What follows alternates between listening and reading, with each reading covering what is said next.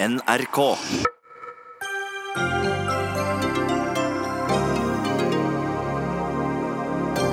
Streiken i Frankrike får store konsekvenser for juletrafikken. Alle fagforeningene i landet opptrer nå i samlet protest mot regjeringas pensjonsreform. Rekordfå asylsøknader til Norge har gitt et overskudd på 240 millioner kroner i asylbudsjettet. Penger SV vil bruke på å hente asylsøkere fra Hellas. Regjeringa legger ned nok et lavsikkerhetsfengsel. Arbeiderpartiet protesterer og frykter for rehabiliteringen av de dømte. Ingen mening i å drifte halvtomme fengsler, svarer Frp. Og jentene spiller fotballkamper uten godkjente dommere, med dårlige garderobeforhold og fedre som trenere. Hvor blir det av likestillinga i fotballen, spør mannlig jentetrener.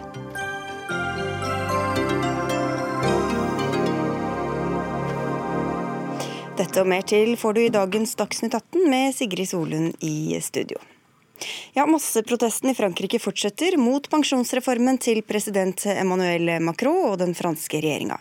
I Nantes brukte politiet tåregass mot demonstrantene. Store deler av landets offentlige kommunikasjon er lammet av streiken. Og Philip Lote, NRKs europakorrespondent, du er på jernbanestasjonen i Brussel. Har det kommet noen tog fra Paris i dag? Det har kommet langt færre enn det det pleier å gjøre. To av tre fra avganger fra Paris til Brussel er eh, innstilt. Og i løpet av de neste dagene så vil én av tre avganger bli innstilt. Så effekten av streiken er i hvert fall eh, beregnet å vare fram til Eh, den 19.-20. desember i første omgang.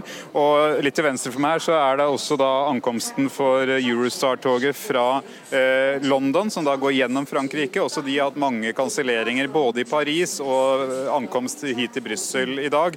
Så effekten av streiken merkes også utenfor Frankrike. Men hvor omfattende er den? Hvem er det som streiker? Det er jernbanearbeiderne og transportarbeiderne, de som jobber på metroen, pendlertogene, som leder an.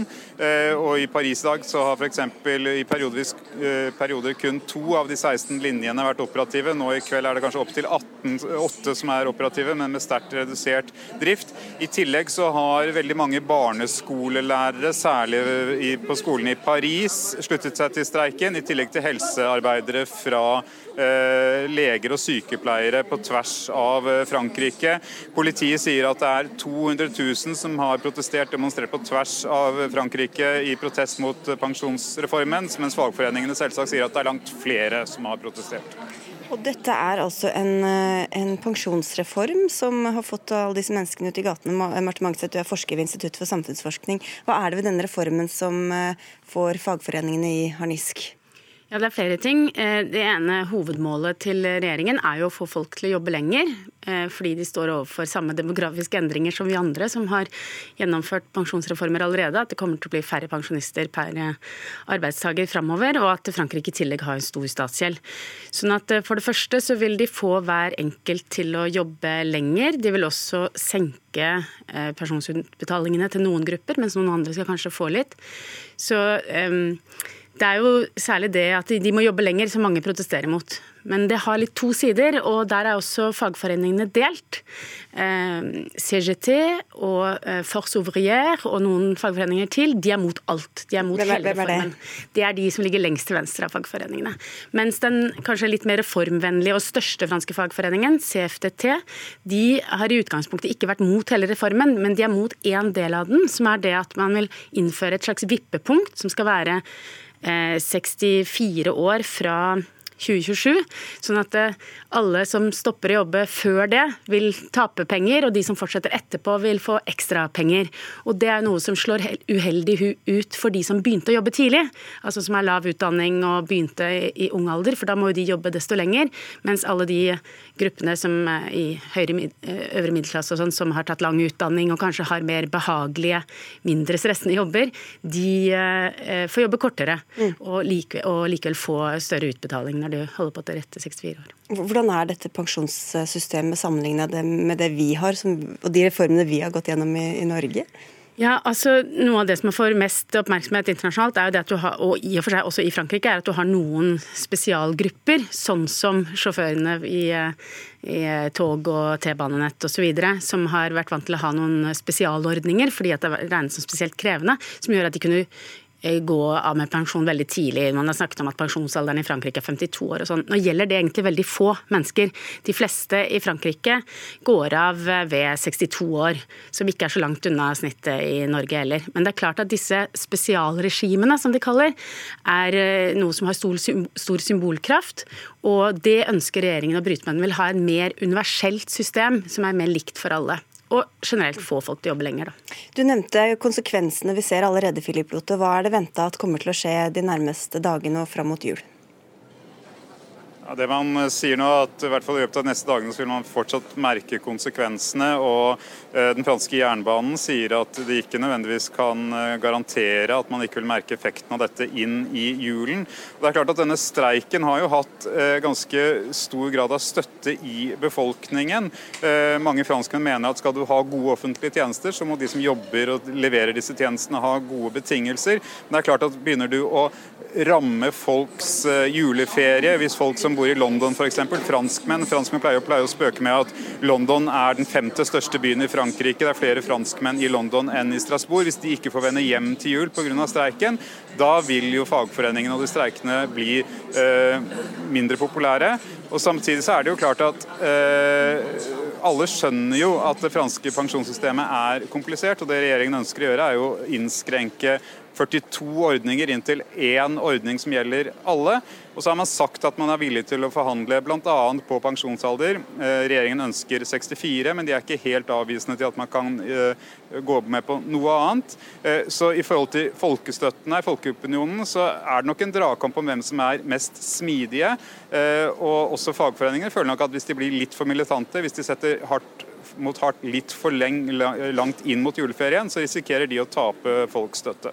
Men Er det noen bevegelse fra noen uh, side her, da, Mangset? Regjeringen sier at de er åpne for dialog og lyttende, uh, men uh, foreløpig så virker det ikke som de to som egentlig bestemmer, altså Macron selv og statsministeren Edouard Philippe, har tenkt til å gi seg så veldig. Men det kan nok hende at de kan gi seg på det å gi litt mer ekstra goder for de som har de tyngste jobbene, utsette alderen litt, men det virker som om det der med at det skal liksom holde på å heve selve pensjonsalderen, det, det, vil de holde på. Og det er viktig at dette er jo en eh, kritikk fra folk, og det at det får så mye støtte fra folk generelt, det, det handler nok mye om at eh, folk syns at mange av disse menneskene, særlig de i skolesystemet, i helsevesenet og sånn, jobber under veldig harde forhold allerede. Sånn at man da liksom kommer og skal eh, svekke pensjonssystemet i tillegg, det er liksom enda en dråpe i, i et, eh, et slitsomt liv, da. De som følger oss på TV så noen bilder fra noen demonstrasjoner, Philip Lote, men i Nant som, som nevnt har altså politiet brukt tåregass. Hva sier det om hvor harde frontene er blitt nå? Det er jo noen av de mest ytterliggående demonstrantene. Det er ikke sikkert at de er i arbeid engang. Kan hende at eh, det er folk som slutter seg til eh, protestene, eh, som ligger langt til venstre, som søker konfrontasjon med politiet. Men det er klart at det er relativt harde fronter, og de mest militante fagforeningene er nok villige til å strekke denne streiken ganske langt. Men i hovedsak så har det jo gått forholdsvis fredelig for seg, selv om det ble rapportert om at det var spent mellom politi og protesterende streikende da de ankom Place de Nation i eh, Paris i dag. De gikk fra Place de la Republikk til Place de la Nation. Eh, så det er spent, men, eh, men foreløpig så har jo den store, altså den ødeleggende volden, den har uteblitt. Var i Frankrike torsdag, fredag, lørdag og søndag, i Paris. Og familien min var veldig bekymret. Kom det til å bli farlig å være der osv.? Men det var jo nesten vanlig hverdagsliv hele veien. Det var, gikk helt fint å leve et vanlig liv.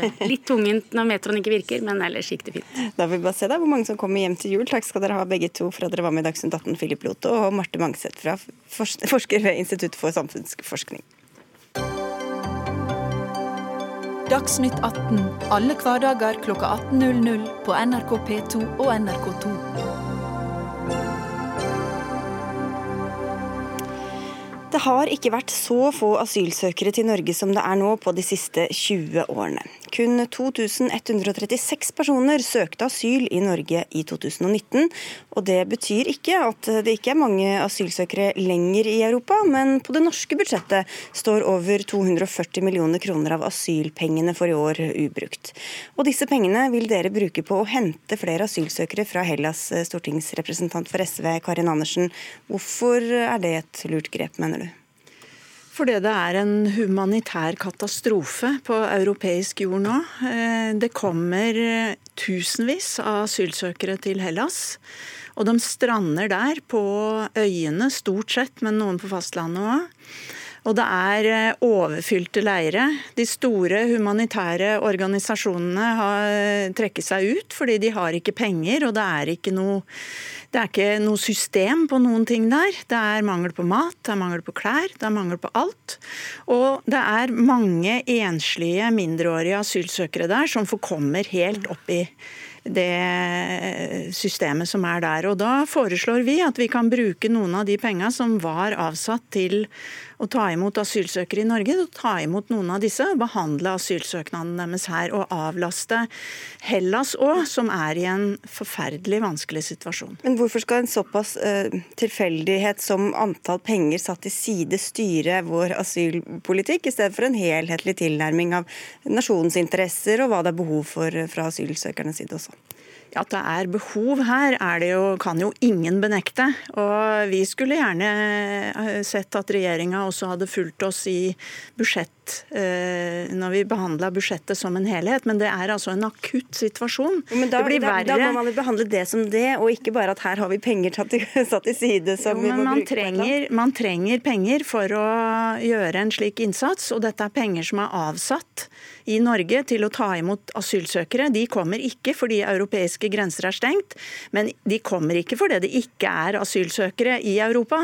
De sitter igjen i Hellas, og da foreslår vi å bruke noen av disse pengene nå som en akutt løsning. Det er en akutt situasjon som de europeiske land, inklusive Norge, vender ryggen til. Og det mener vi det må bli slutt på.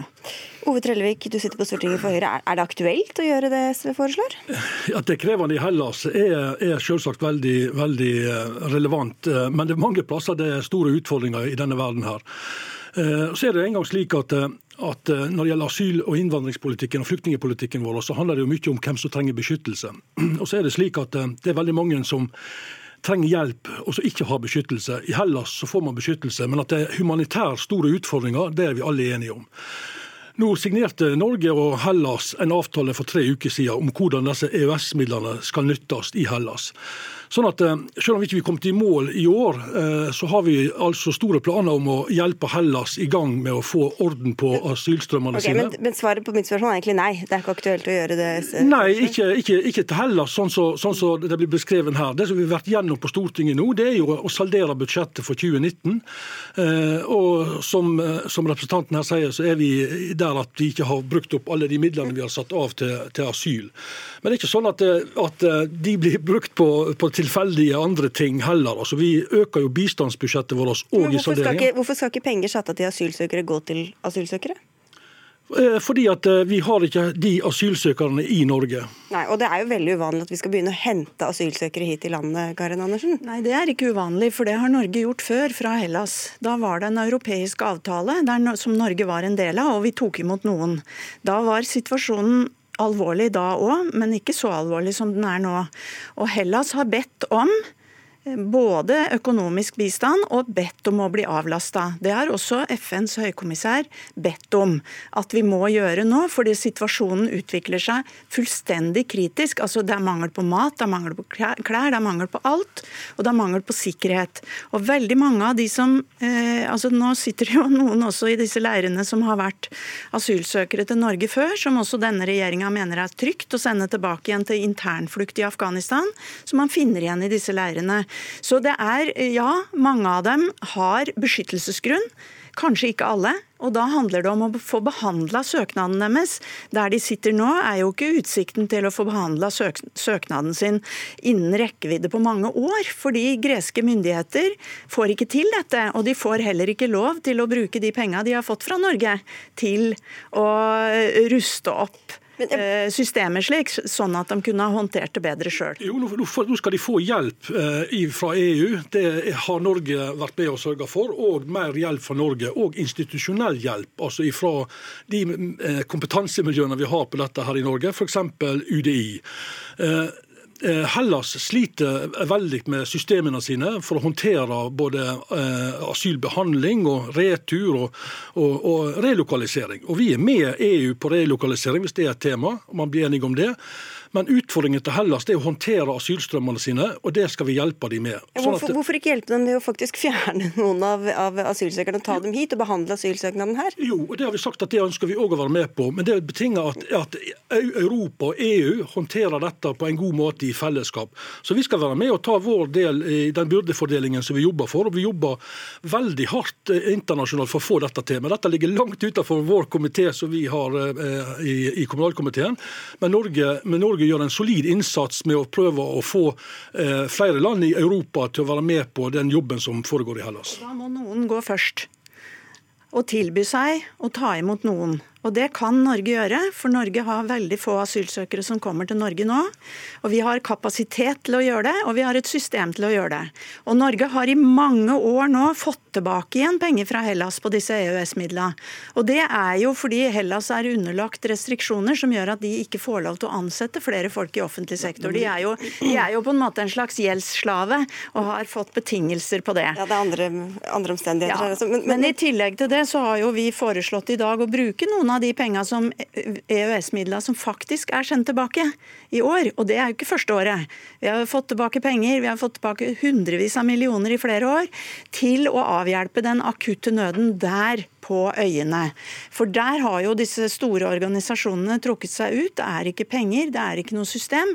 Og der trenger vi nå å få inn ressurser fra UNHCR og fra Røde Kors f.eks. Er det to forskjellige potter vi snakker om her? Altså De 240 millioner kroner, det er noe annet enn disse EØS-midlene dere snakker om? Ja, fordi 240 millioner kroner var avsatt til å ta imot asylsøkere i Norge. Mens de andre pengene de var en avtale med Hellas, og det har vi hatt i flere år. og blant annet å bedre bedre asylsystemet. Og Der har regjeringa i flere år sagt at nå er det bra. Det er det slettes ikke, og vi får tilbake igjen penger hvert eneste år. Ja, det er typisk SV å tro at mer penger skulle hjelpe på alt. Og Det er altså slik at eh, De EØS-midlene som vi har forpliktet oss til for perioden 2014 til 2021, beløper seg til 2,8 milliarder euro. Og det er ikke sånn at, eh, at fordi om vi ikke får brukt de pengene på godkjente prosjekt i år, at, at den forpliktelsen forsvinner. Og Den avtalen som vi har signert nå sammen med Hellas sine myndigheter, myndigheter gjør at de pengene kommer til å bli anvendt, vel anvendt òg, i året som kommer. Altså det er sendt tilbake igjen 51 det har jeg fått svar fra minister i din regjering. De er sendt tilbake igjen til Norge. Nå, men forpliktelsen ligger jo der likevel. Okay, men dere, hvis, dette, det blir litt sånn innfløkt også. Hvis vi tar det liksom prinsipielle her, da. SV mener i hvert fall at vi skal ta en større del av byrden og også hente asylsøkere hit. Er det rettferdig at Hellas må ta så stor del eh, av, av, den byrden som du også beskrev at det var, mens vi sitter og kan på en måte uh, nyte godt av, da, for å bruke et sånt ord, at, at det er, at det er liksom de ytre grensene som, uh, som, gjør at ikke det kommer asylsøkere hit? Ja, Det er jo det, er jo det, det landet som på en måte uh, på en måte dessverre ligger der som det ligger, som må håndtere den flyktningstrømmen de får. Så skal vi hjelpe dem med å håndtere disse søknadene og hjelpe dem å håndtere asylstrømmene. Hvordan fungerer det, syns du da? Eh, nå har vi nettopp signert avtalen for tre uker siden. Vi har store forventninger til den nye regjeringen der nede på at vi skal få på plass et system til å håndtere dette på en mye bedre måte enn hva det Europa og samfunnet til nå har klart å få til. Så jeg har tro på at, eh, at eh, dette kan bære, bære, godt av sted på en bedre måte enn hva det vi har fått til til nå. Men det er ikke slik at Og, og de forpliktelsene som ligger i EØS-avtalen, de ligger der. Så at SV kan ikke begynne å bruke dem til noe annet og tro at det blir erstatta seg sjøl. Så, så det, den, den, det, det, går ikke. Men Da har jeg bare et siste spørsmål ja. til deg, Karin Andersen. For Hvis man først skal hente folk hit til Norge, da, hvorfor ikke hente de flyktningene som vi vet er flyktninger, som er godkjent så å si av, av FN, i stedet for å plukke mennesker som kanskje ikke har behov for beskyttelse i det hele tatt? Ja, Det har vi også foreslått. Og det har også regjeringa stemt ned. Vi foreslo å ta imot 5000 på kvote istedenfor 3000, som regjeringa sa. Så vi har prøvd det òg. Men det er ikke noe tvil om at veldig mange av de som sitter i Hellas, er flyktninger. Og det andre er å avhjelpe den humanitære katastrofen som er der nå, med å gi penger til frivillige organisasjoner, store internasjonale organisasjoner og til FN, slik at folk har mat og klær og et telt, og at unga kan få gå på skole, og at folk som er syke får medisiner. Og det skuffer meg veldig at regjeringa ikke vil være med på det, for det har vi råd til. Ja, får, De får ikke gjennomslag, men det blir bedre, får vi håpe. Ja, det blir bedre. Altså, den avtalen er, er, mange som setter uh, lit til, for ja. å si det sånn. Så får vi komme tilbake og se om den virker. Takk skal dere ha begge to for at dere var med i Dagsnytt 18, Ove Trellevik fra Høyre og Karin Andersen fra SV.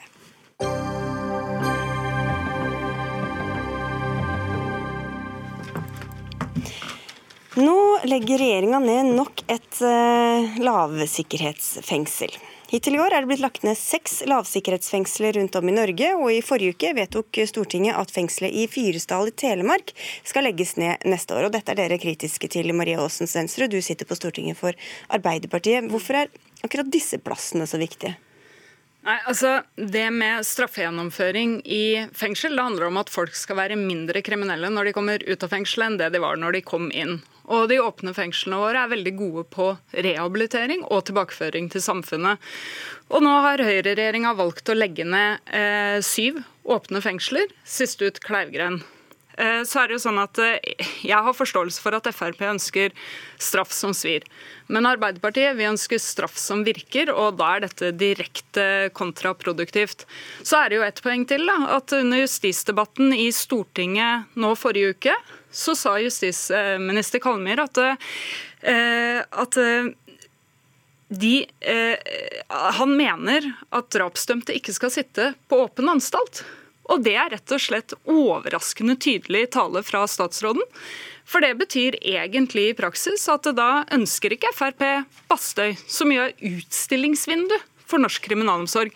Eller så var det rett og slett det at statsråden ikke visste hvem som faktisk soner både på Kleivgrend og Bastøy og i de andre åpne fengslene. Ja, for Da er det snakk at du først soner si, vanlige fengsler, og så går man over til disse mot slutten av eh, soninga, hvis jeg har forstått det riktig, hvor det er mer frihet for, for de som ja, altså, Ideelt sett, og sånn vi beskrev det når vi satt i regjering, i stortingsmelding 37, som heter 'Straff som virker', så beskriver vi en soningsstraff. Der er det sånn at man f.eks. kommer inn på høysikkerhet, går over på åpent fengsel, lavsikkerhet, kanskje over i overgangsbolig og, og muligens på EK mot slutten. og Da får du en flytende overgang til samfunnet.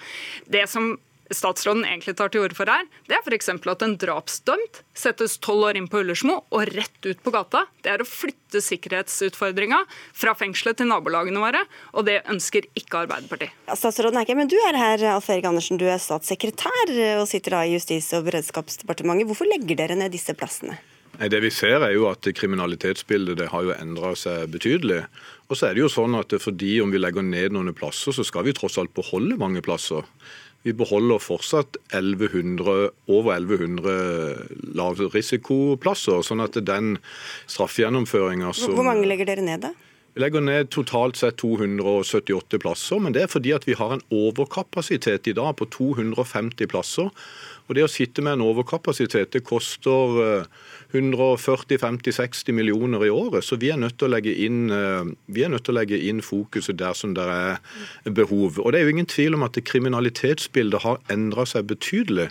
Sånn at behovet for høyrisikoplasser det er nødt til å eskalere fort. Derfor så vi, har vi åpna Eidsberg.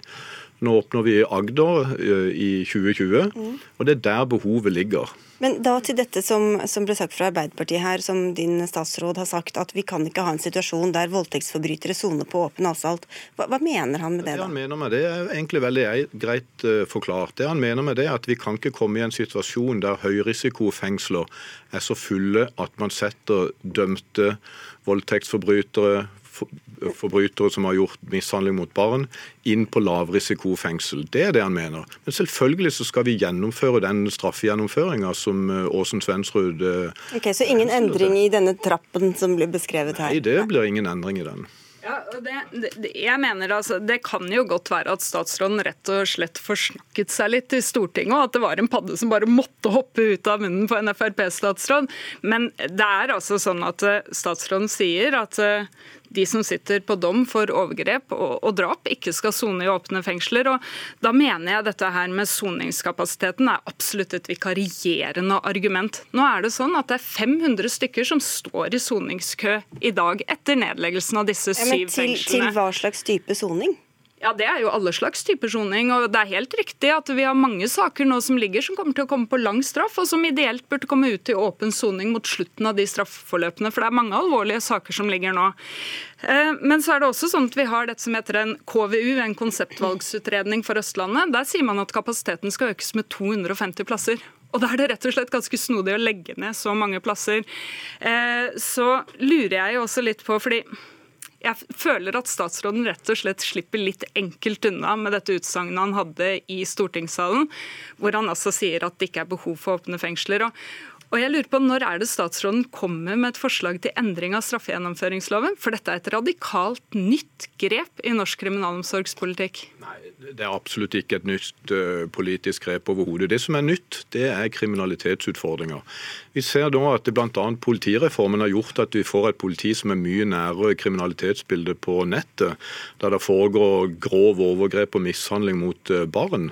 Sånn at vi er helt nødt til å sette inn ressursene der det er behov for ressursene, og ikke nødvendigvis opprettholde uh, overkapasitet. For overkapasitet det har vi ikke behov for. Vi har behov for kapasitet der de, vi trenger uh, høy kapasitet, altså i høy risiko. Ja, Hvor god råd har dere i Arbeiderpartiet til å la to plasser stå tomme og ikke bli brukt? Ja, det er overhodet ikke noe problemstilling. Nå er det, hvis vi skal snakke penger i kriminalomsorgen, så har altså denne regjeringen gjennomført noe av det flaueste tiltaket for å få ned soningskøen. og Det var altså å bruke rundt 1 milliard kroner på å sende innsatte til Nederland. Det var det vi startet fjoråret med. Jeg tør bare minne om det. Men, eh, men altså da konkluderer jeg med at statsråden mente men, ikke det han men, sa. Mener du at, at det ikke har stått tomme plasser, eller betydelig antall tomme plasser på disse fengslene som vi snakker om I proposisjonen fra regjeringen som nå har blitt lagt fram med, statsbudsjettet, så er det altså en graf som viser oss helt tydelig at det er 500 stykker som står i soningskø i dag. Så tomme fengselsceller, det har vi Nei, ikke men, et problem med. sp- spørsmålet er jo, fordi Det virker som på statssekretæren at det vi trenger nå, er mer høyrisikoplasser, altså hvor de skal sitte lenge. Hvor er det disse køene er? da? Det må være mulig å vite det? Jeg mener at det der, det er ikke et argument argument for soningskapasitet. Det er et politisk argument. Og jeg synes jo det var befriende at statsråden sa det i Stortinget. Nå skjønner jeg at man ikke har lyst til å stå for det man sa, men dette er et argument som sier vi skal ha straff som svir. Sylvi Lysthaug var ute før hun ble statsråd, sa at det skal ikke være noe ok å sitte i norske fengsler. Men i Norge så er straff frihetsberøvelse, og vi driver ikke med dobbeltstraffing. Ja, men, okay. Og da er vi faktisk Det- nødt til å følge hellig hele soningsstraffen. Er er det en endring også i, i eh, prioriteringene her?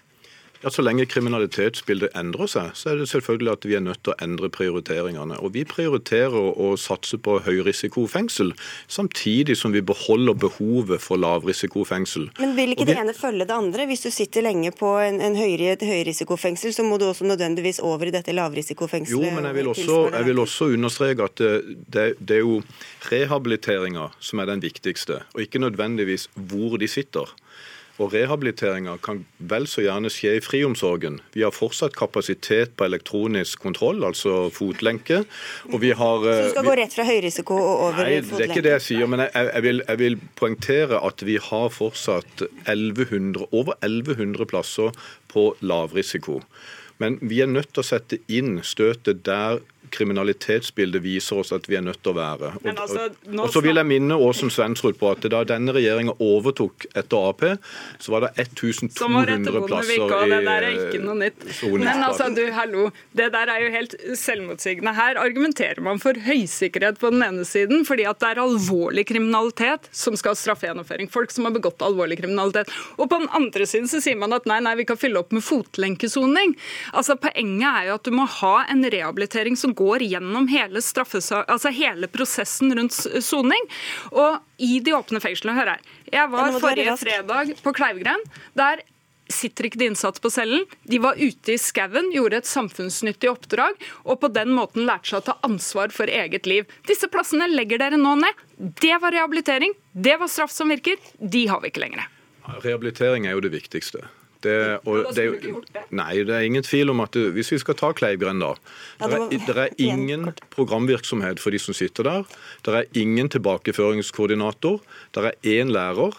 Jeg mener bestemt, og denne regjeringa mener bestemt at det er veldig mange av disse som kommer ut og som skal tilbake igjen i samfunnet, som vil få en vel så god gjennomføring gjennom friomsorgen og gjennom fôr. Det er litt viktig å jobbe hvis du skal tilbake til samfunnet. Da. Enig der, ja. Takk skal dere ha begge to i hvert fall for at dere var med i Dagsnytt 18. Maria Aasens Venstre fra Arbeiderpartiet og Alf Erik Andersen fra Fremskrittspartiet, som er statssekretær der i Justis- og innvandringsdepartementet.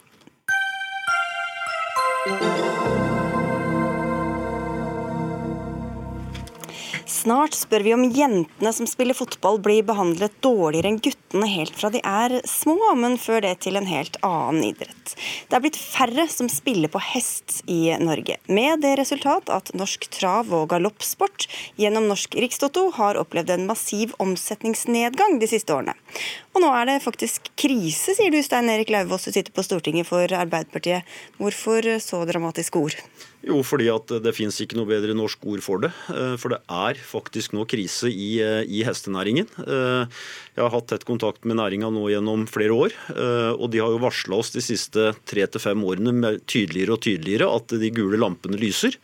Av ulike årsaker, som vi kanskje kan komme tilbake til.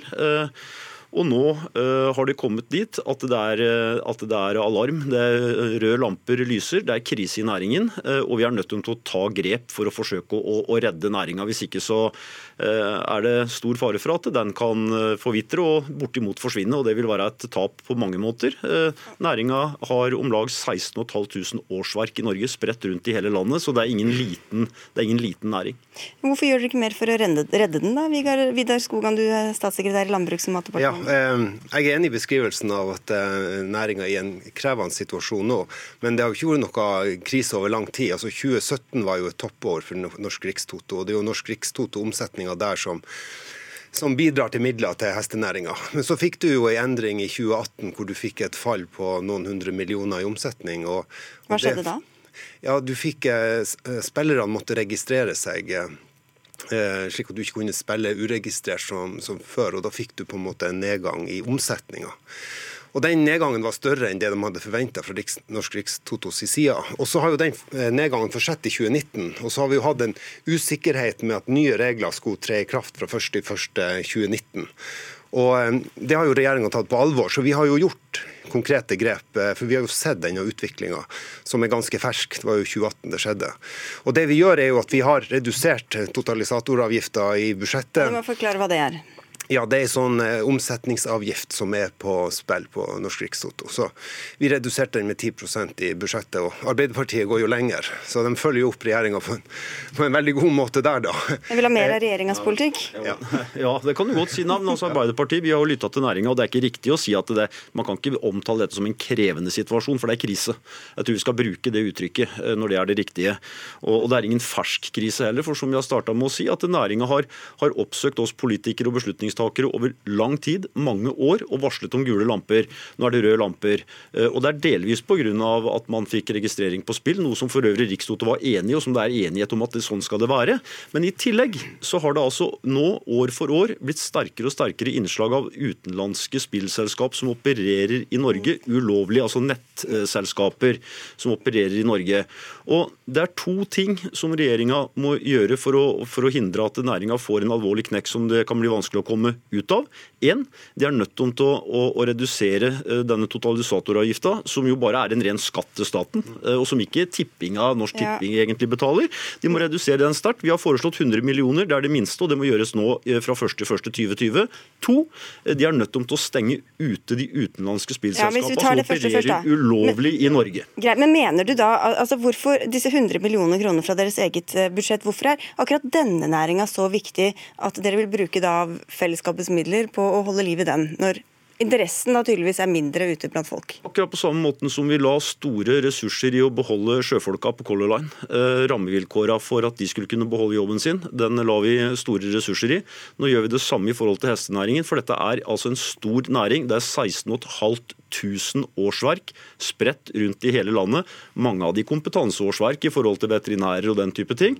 Og du har fòrleverandører og alle disse tingene. Okay. Så dette er en viktig næring, og vi er nødt til å gjøre noe med det nå. Og da blir 10 millioner kroner, det er, det, er, det er, prisverdig, men det er å helle kaldt vann i krybba. For denne, av, denne avgiften, Det sier også Oslo Economics i en rapport, at den, den, ødelegger eller reduserer evnen til å tilby et konkurransedyktig utvalg av spill fra Norsk Rikstotos uh, side. Hvorfor skal de ha denne avgiften, mens f.eks. Norsk Tipping ikke skal ha det? Ja, altså det, I tillegg så er jo det en avgift med lang historie. Den har i hvert fall over 20 års historie i Norge. slik at Skiftende regjeringer har jo hatt denne totalisatoravgifta hele tida. Men så er det oppstått en krevende situasjon som jeg sier, som gjør at også regjeringa har foreslått å redusere den avgifta. Men når det gjelder tiltak, så jo, har jo vi Hvorfor skal de ha den i, i utgangspunktet? Altså, en ting er at vi har hatt den, jeg skjønner det er vanskelig å liksom fjerne den. Men hva er den, den eh, prinsipielle grunnen til at dette skal være avgiftsbelagt, men ikke andre, andre spill? Det var en avgift som hadde et formål, eh, midler til hestesporten i sin tid, hvis vi går en, en par tiår tilbake i tid. Og så er avgifta eh, har utvikla seg til å bli en sånn ren fiskalavgift. Eller, eh, Penger i kassa. Penger i kassa, ja. Det er det som har blitt utviklinga. Men så har jeg lyst til å si at regjeringa gjør jo mer Men det er det fortsatt verdt, da, mener dere? Dere vil beholde denne avgiften? Ja, altså Vi har jo foreslått å redusere den. og, jo, jo, for å redusere den, og, men, men... og Prinsipielt så burde den jo vært borte. altså Norsk Tipping og Norsk Rikstoto burde jo vært likestilt sånn sett. Så, så det får være en målsetting. Men regjeringa har jo satt i gang flere tiltak eh, i denne situasjonen. og Det ene tiltaket er jo at vi ser jo internasjonalt at eh, spill på hest går ned. Eh, og Vi har satt i gang en utredning nå i, mellom Kulturdepartementet og Landbruksdepartementet hvor vi ser på om hestespill skal inn i Norsk Rikstoto, slik at vi får, nei, inn, inn, i Norsk Tipping, slik at vi får samla de norske spillene i ett spilleselskap. og Dermed så kan man sikre en mer stabil pengeoverføring til hestesporten. Det andre vi har gjort, er at vi kommer med en ny lov eh, pengespillov, og vi har satt i gang tiltak for å hindre reklame på utenlandske spillselskap. Så vi, vi jobber bredt for å sikre inntekter til hestenæringa. Riktig, ok. Men du vil, du vil stenge internett, du da? Ja, selvføl selvfølgelig. Hvordan skal, skal du få til det? Selvfølgelig skal vi, vi, vi skal geoblokke de. Det er mulig å stenge disse IP-adressene hvis man vil. Verktøyet ligger hos departementet og politisk ledelse. De kan gjøre det hvis de vil. Det vil være å følge opp et meget sterkt eh, politisk flertall i Norge som sier at eh, de skal ikke operere i Norge, de driver ulovlig. Og Da holder det ikke at det kommer opp en advarsel når du klikker deg inn på de nettsidene.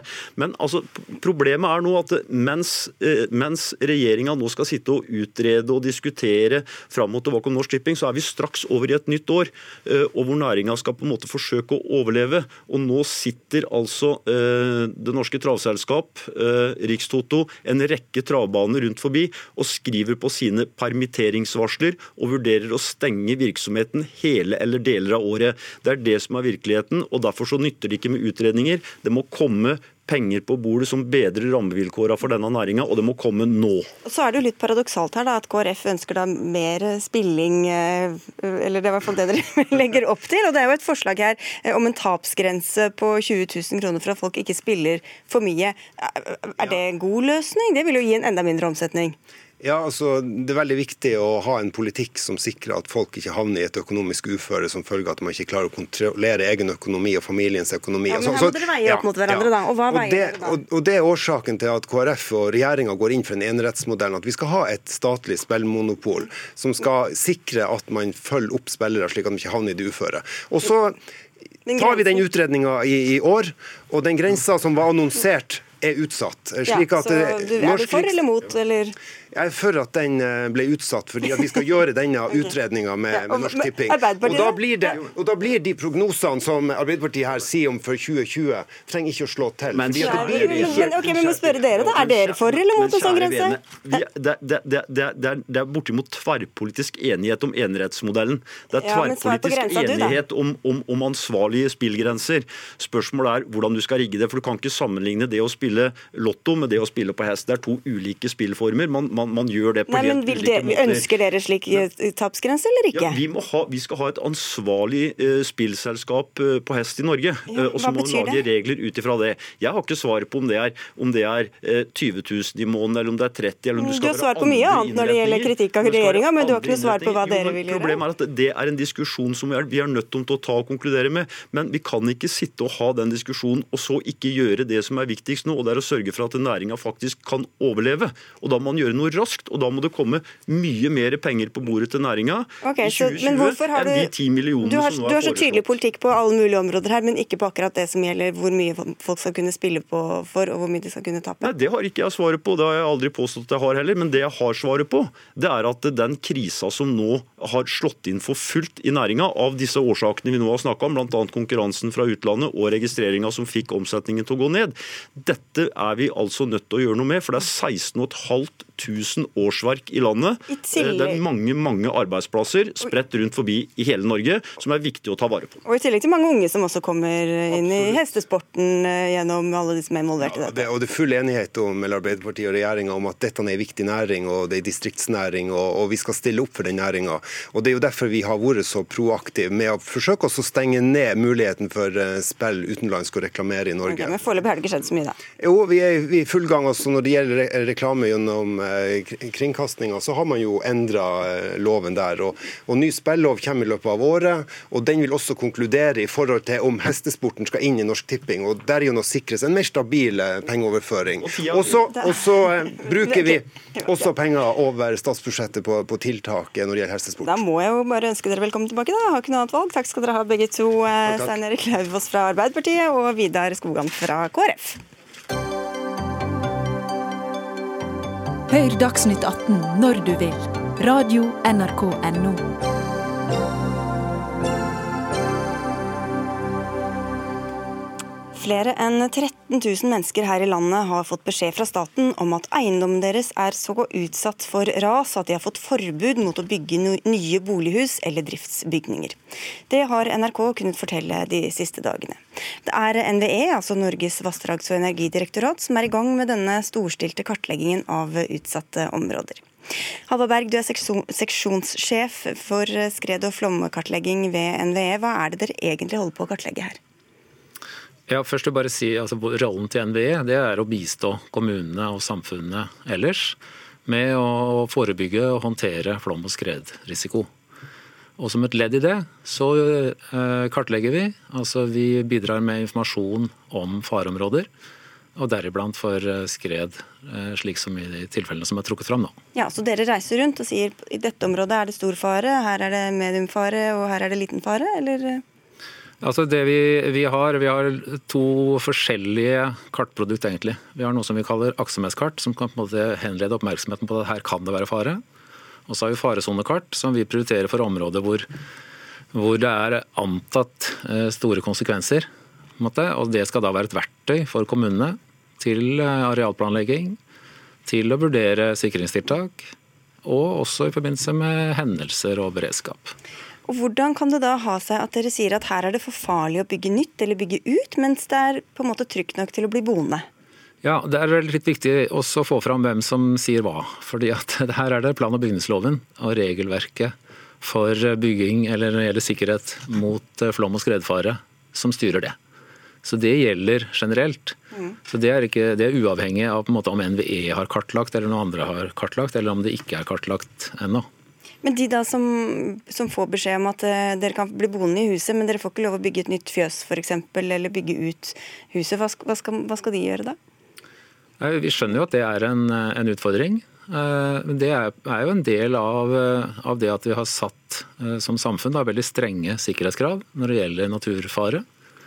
Og da er det kommunenes ansvar å ta det videre etter at dere har pekt på hvor, eh, hvilke farer ligger og truer? Ja, det er kommunen som på en måte er plan- og bygningsmyndighet og skal forvalte det regelverket. Og hva, dere, er halve, dere er bare i gang, dere er ikke ferdig med kartleggingen eh, så langt? Nei da, eh, vi lagde en plan i 2011, og er, når det gjelder dette temaet, så er vi sånn ca. halvveis etter en plan. Og Hva kan da skje også med tanke på fremtidige klimaendringer, om hvor store deler av Norge, hvor mange som blir omfattet av disse utsatte områdene? Jo, vi ser jo altså, tendensen i eh, klimautviklingen går jo i den retning. At det blir eh, flere områder som blir utsatt, og større områder som blir utsatt, sånn generelt sagt. Da. Og Hva mener dere det vil koste å sikre disse områdene hvor det da bor faktisk folk på de mest utsatte områdene?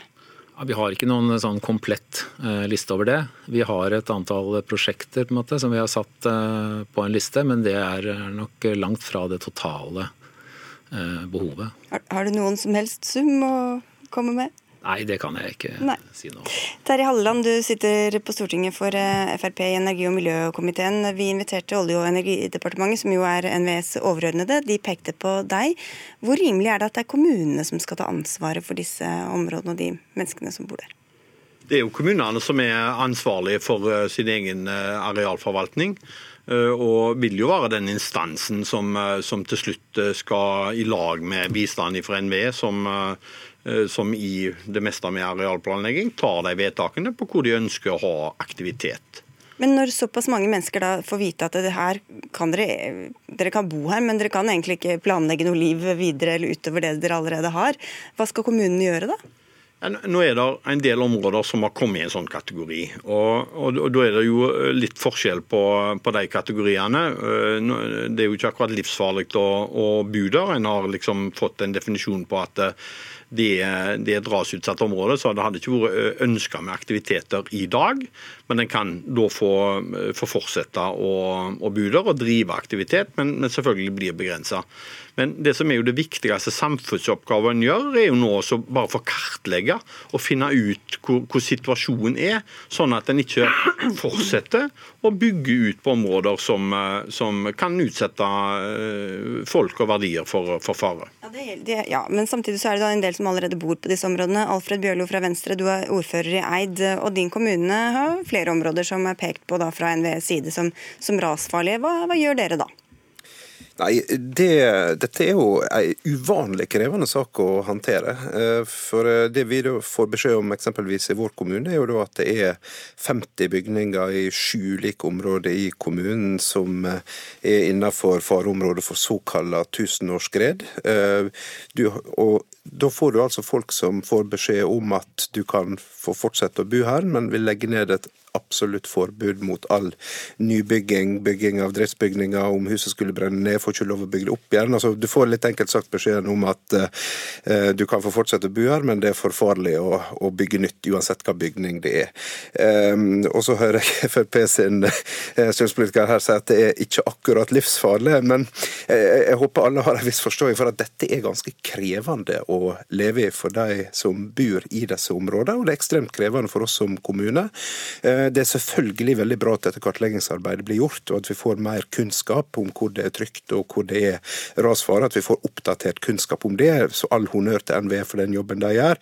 Så Det som jeg opplever problemet er at vi da så fra kommunens side får overlevert disse rapportene med konklusjoner som er, berører livet for, alle, for uh, titusenvis av mennesker som bor i disse områdene. Og egentlig ikke noe mer veiledning eller hjelp for hva vi skal gjøre med det, annet enn at det er vårt ansvar å prøve å finne en løsning. Så dette er krevende. Ja, og det er jo, ja, hva, hva kan dere bistå med da, Halleland? Vi satser veldig på eh, NVE. Vi satser veldig mye på eh, rassikring, på flomsikring, på det som går nå på så, så vi ser at det blir en økende utfordring. Vi bevilger for over 500 millioner til NVE. Vi har lagd oss en egen eh, krisepott eh, som, eh, som en kan eh, ta en med akutt behov. Vi har bevilga 60 millioner til Svalbard. Vi, vi bruker nærmere 2 milliarder på, på rassikring på vei. Men det er noe Også- annet enn de som bor steder som det kan Ja, rase ned fra men, men, men det vi gjør, og det viktigste arbeidet som, eh, som vi gjør nå, det er altså å få kartlagt problemstillingen. Så bevilger vi store penger hvert år for også å øh, se hva vi kan gjøre for å komme oss ut av den situasjonen som vi er i. Men, men øh, hvis Bjørlo mener at vi gjør noe feil med å kartlegge, at en ikke ønsker oss å, å, å få ta inn over seg den situasjonen som en er i, så må vi jo eventuelt overprøve det som NVE har gjort. da. Det var vel ikke det han sa, men Det var nøyaktig det jeg ikke sa. Jeg sa at det er veldig bra at disse kartleggingene blir gjort, og, og det trykket må jo holde fram. Men det store spørsmålet er hva vi gjør etterpå. Eh, og Det er jo ikke, altså det blir sagt at denne satsinga blir trappa opp. Altså Sannheten er jo at den står på staden hvil. Eh, og det har jo dere sjøl fått beskjed om til Stortinget fra en samla kommunesektor, fra en samla finansbransje, fra en samla anleggsbransje, har sendt ganske alvorlige skriv til Stortinget i høst og sier at nå begynner dette å bli alvorlig. Satsinga står på staden hvil.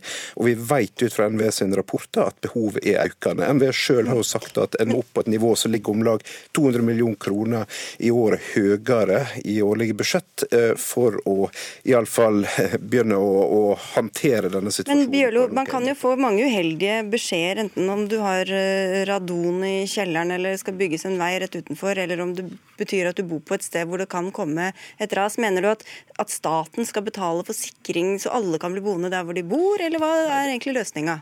Nei da, altså, det gjør jeg ikke. Men eksempelvis får du beskjed om at det er radon i boligen din. da, Så gjør du en radonkontroll, får noen råd på hvordan du håndterer den situasjonen, hva tiltak du må iverksette for å komme ned på et akseptabelt nivå, så må en gjøre det.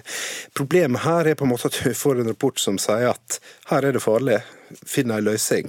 Eh, og vi, det, altså, vi har ikke kunnskap om hva de løsningene er. Og jeg tenker Det første som her må skje av et politisk grep, er jo at vi får en skikkelig debatt mellom kommunesektor og stat på hva vi skal gjøre videre med alle de som nå har fått påvist at en bor i området der det da er nedlagt et eh, byggeforbud eller det er stor skredfare. Vi må eh, forvente at NVE, staten, følger oss lenger i disse prosessene. Forteller hva gjør vi videre da i disse områdene som nå er identifisert. Kanskje ja, men, sånn høre med Halleland da. Ja, hva, hva skal kommunene gjøre? Gjøre da når de får disse beskjedene at her er det store områder, mange innbyggere som, som eh, bor på disse områdene som NVE peker på? Ja, jeg synes det høres veldig fornuftig ut jeg, at vi skal, skal, ta den debatten med kommunene og så se de eh, situasjonene som nå oppstår, på, spesielt på bakgrunn av den omfattende kartlegging som nå er. Eh, der en ser at det er eh, kategorier som er Dere har ikke, har ikke, gjort noen tanker om hva som kan komme fra NVE, og hvordan Nei, det skal følges opp på forhånd? da? Ja, det som, det, Jo, det gjør vi jo. Vi bevilger masse penger til, til NVE, og bl.a. bevilger vi masse penger til å kartlegge, så vi ser hvor situasjonen er i dag. Og Så skal vi selvfølgelig ta dette videre, og vi kommer nok ikke utenom å ta det videre i lag med kommunene. Men at kommunene bare kan se til staten og be staten bevilge penger uh, ut ifra den kartleggingen, det blir nok litt for enkelt. Men som Bjørlo sier, at vi kan sette oss ned i sammen og så se på hva er nå neste steg, og hva er det fornuftig å, å, å gjøre, og hvordan den skal deles mellom stat og kommune så, så, tror jeg det kan være fornuftig. Og vi har jo NVE som et veldig viktig verktøy for oss, og så gir jo kommunene bistand i dag til dette. Og da har du vel noen telefonnummer inne på telefonen din du også kan ta Bjørlo på? Speed, ja, det, det, det, kan du, det, kan du, si, men jeg tror dette er et problem for kommunen uansett politisk farge og hvem som styrer. Men i fall det jeg tenker er jo at eh, i dag har vi ordninger f.eks. med et naturskadefond, sånn at staten stiller opp hvis det først skjer en skade. Men det vi trenger er å vri mye mer av ressursbruken over på forebygging. Så det å tenke tanker rundt at dagens naturskadeordning òg kan få en eller annen form av et forebyggingsfond, sånn at vi er med å trappe opp satsinga på forebygging. Ja, okay. Det tror jeg er en del av løsninga. Vi er nødt til å gjøre det, og det haster. Og da må dere, som dere sa her, ta et lite møte. Det kan dere jo trygt gjøre utenfor studio her også. Takk skal dere ha alle sammen. Alfred Bjørlo, eh, ordfører Eid, Halvard Berg fra NVE og Terje Halleland fra Fremskrittspartiet.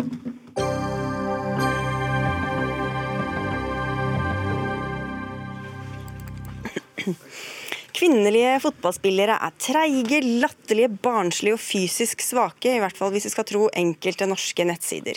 Der deles spillerne inn i kategorien stygge og lesbiske eller sexy og derfor verdt å se på. Uansett har de null peiling på teknikk, kan ikke sparke ballen ordentlig og har ingen fotballintelligens, igjen ifølge disse kommentarene på nettet. Men hvor kommer holdningene fra? Helt fra jenter starter på fotball som seksåringer, blir de sakte, men sikkert indoktrinert til å føle seg underlegne guttene, skriver du i et innlegg i Aftenposten, Leo Krish, at du er fotballtrener for et jentelag, og du er også student ved Norges idrettshøgskole. Hvordan blir jenter behandla annerledes enn gutter helt fra de er små og begynner på fotball?